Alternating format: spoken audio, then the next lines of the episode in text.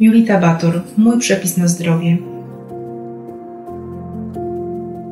Jak pomóc dziecku z dysleksją, jak w przyjemny sposób nauczyć je ortografii, zwiększyć tempo czytania i poprawić wyniki z języków obcych. Jest to kolejny nietypowy odcinek podcastu. Jest to fragment zapisu rozmowy z panią profesor Jagodą Cieszyńską, twórczynią metody krakowskiej na temat dysleksji u dzieci, jaką przeprowadziłam na potrzeby mojej najnowszej książki Przepis na zdrowie. Z podcastu dowiecie się – jak pomóc starszemu dziecku, u którego stwierdzono dysleksję? Jak w przyjemny sposób nauczyć dziecko ortografii? W jaki sposób zwiększyć tempo czytania? I co zrobić, żeby nauka języków obcych była skuteczniejsza? Jeżeli zaciekawił Was temat i chcielibyście się dowiedzieć więcej o tym, jak zachęcić dziecko do czytania, jak ćwiczyć pamięć, dlaczego bezpośrednio po graniu na komputerze Twoje dziecko nie przyswoi żadnych wiadomości, co oprócz problemów w pisaniu i czytaniu jest jeszcze charakterystyczne dla dysleksji i jak sobie z tym radzić? Jak sprawdzić, czy Twoje dziecko jest prawo czy lewouszne, prawo czy lewooczne? Jakie zabawki zwiększają kreatywność u dzieci? Polecam dalszą część wywiadu, która znajduje się w mojej najnowszej książce Przepis na zdrowie w rozdziale pod tytułem Kocham czytać.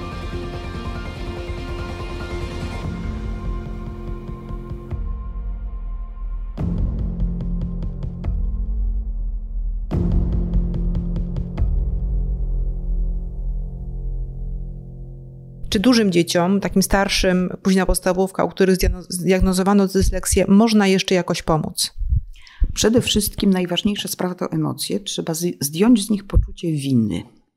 Bo bardzo często dzieci o tym mówią, że to mm, no, mama się denerwuje przeze mnie, że ja gorzej czytam.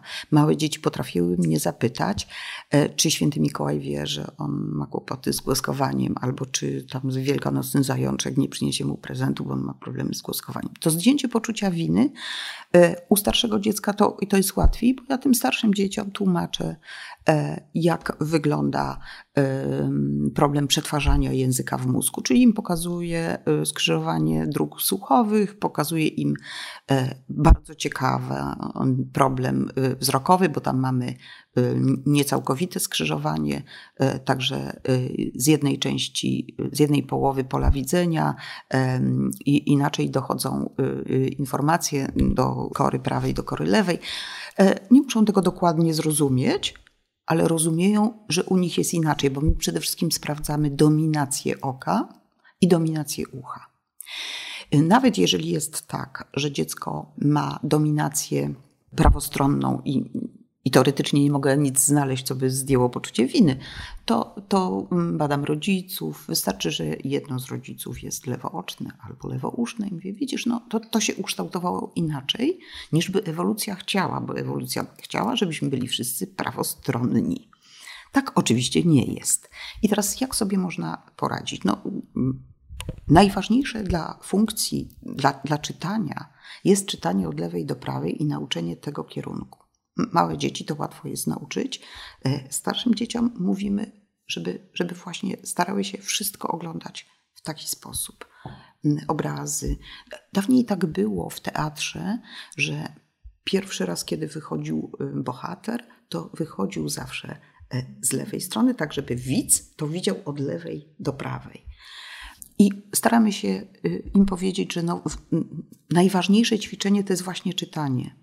I takie czytanie, gdzie sobie e, ograniczają pole widzenia. Nie muszą czytać w czytniku, ale mogą sobie na przykład na pół podzielić kartkę. E, tyle, że ona będzie zawsze szeroka, a potrzebują nieco zawęzić. Mogą sobie wydrukować na papierze, tak żeby były tutaj większe marginesy. I do ćwiczenia funkcji wzrokowych najważniejsze jest E, coś, co się dzieciom bardzo podoba, my to nazywamy układanki lewopółkulowe, czyli mamy sześciany różnie, w różny sposób podzielone na, na dwa kolory e, i trzeba z tych sześcianów, gdzie mamy i, i skośne linie, i, mm, i, i takie klepsydry, układać różne wzory. E, dzieci się uczą obracania w przestrzeni różnych obrazów. Nawet starsze, to dla starszych Tak, dzieci? tak. tak? E, Geometria jakby Tak, przestrzenna, coś tak, takiego? tak. E, Muszą to zrobić w głowie, y, żeby wyobrazić sobie. Dla, dla małych dzieci mamy takie rzeczywiste obrazki, czyli jak wy, popatrz, tu mam taką filiżankę, jak ona będzie wyglądała, kiedy ją obrócę, prawda? Ale dla starszych dzieci mamy już te takie sze, sześciany do układania. E, Także trójkąty to już jest w ogóle mistrzostwo świata, to już jest dla, dla starszych dzieci. tak? Jak- Jako, jako pomocy to macie, tak? Tak. U siebie? Tak. My mówimy, że to jest ćwiczenie e, e, wzroku, bo ono jest ważne, a nie jest na literopodobnym materiale. E, Natomiast jeżeli chcemy przyspieszyć czytanie, no to proponujemy dzieciom, e, ale ty- tylko nie można robić za długo, no to może być 5 minut dziennie, żeby sobie wydrukować jakiś tekst różną czcionką. My to mamy gotowe, ale to sobie można zrobić yy, yy, w domu różną czcionką po to, żeby, yy, żeby dziecko się nauczyło, mm, znaczy żeby jego mózg się nauczył różnicowania tych czcionek, ale to, jak mówię, nie więcej niż 5 minut. I jeśli chodzi o ortografię, która no, u starszych dzieci nie chciałabym za dużo kłaść y, na to nacisku. Po pierwsze, pomysł z uzupełnianiem liter w wyrazach jest pomysłem absurdalnym, ponieważ dziecko ma zapamiętać cały obraz wyrazu, a nie mm, coś, co jest w dyktandzie. Zresztą dzieci się bardzo szybko tego uczą. Aha, to jest dyktando na H i CH. I tak wielokrotnie e, ro- robią to. Aha, już teraz było dwa razy CH, to teraz będzie samo H. I wielokrotnie im się y, udaje. To, to jest kompletna bzdura. Bzdurą jest też uczenie się reguł.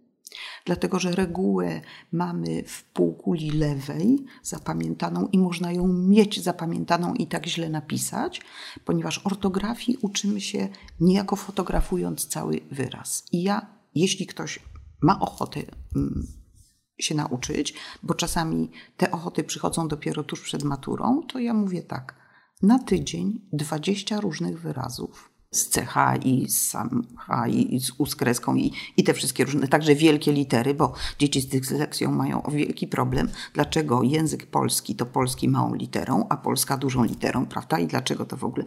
I ja, ja w ogóle nie uczę żadnych reguł, tylko 20 słów. Dla małych dzieci mamy taką pomoc, czyli jest tak, jest na przykład na, narysowana wiewiórka i mówimy, zrób fotografię tej wiewiórki. I dzieci robią tak, widzisz tę wiewiórkę, tak, tutaj ma ogonek, a potem jest napisane słowo wiewiórka i mówimy, zobacz, tutaj też jest wiewiórka, sfotografuj to słowo. I dziecko fotografuje, czyli zapamiętuje w całości. I potem te 20 wyrazów sprawdzamy na koniec tygodnia. E, Ale dziecko musi mieć do tego motywację. Ja tej motywacji nie wzbudzam w taki sposób, ach, bo musisz napisać e, prawidłowo, tylko jak będziesz w, tak, takim momencie swojego życia, że będziesz chciał poprawić y, swoją ortografię, bo studia, bo, bo list do dziewczyny, wszystko jedno, to to się uda zrobić taką właśnie metodą, przez całościowe fotografowanie. Oczywiście my ich nie nauczymy 10 tysięcy słów, ale mózg nauczy się fotografowania. I jeśli w tym samym czasie dziecko będzie czytać, to mózg będzie też fotografował.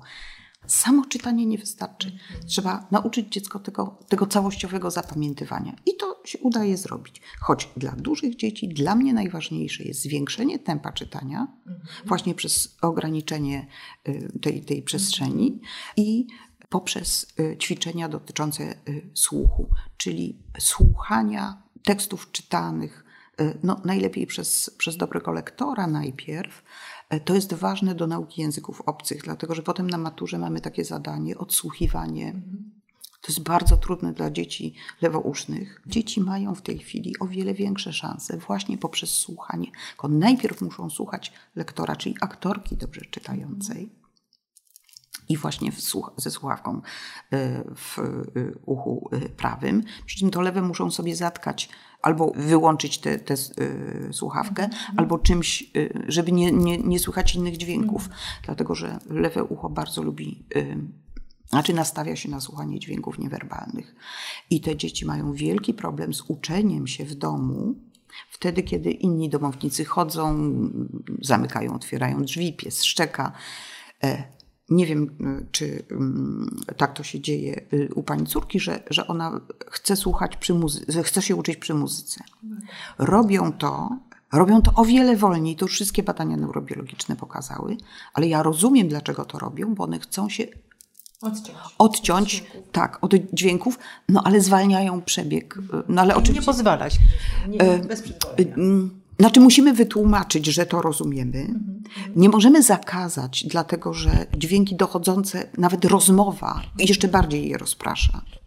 Ale jeśli mają możliwość, że, że w pewnym momencie są same w domu, to żeby sobie sprawdziły, że się szybciej nauczą, w, y, kiedy, kiedy ben, będą miały ciszę. E, Więc najpierw, żeby słuchały y, lektora, a potem mogą sobie słuchać radia gdzie y, no, te wypowiedzi już y, nie są takie zwarte. Radia w sensie audycji jakiejś. Ale już bez słuchawki, bez jednej słuchawki, Z- z jedną, z jedną. Tak, tak. E, I ja myślę, że, że już samo y, słuchanie audiobooków pobudzi tę ym, te, te umiejętność do słuchania prawym uchem mowy, czyli aktywowania lewej kory. Bo tutaj mamy pełne skrzyżowanie.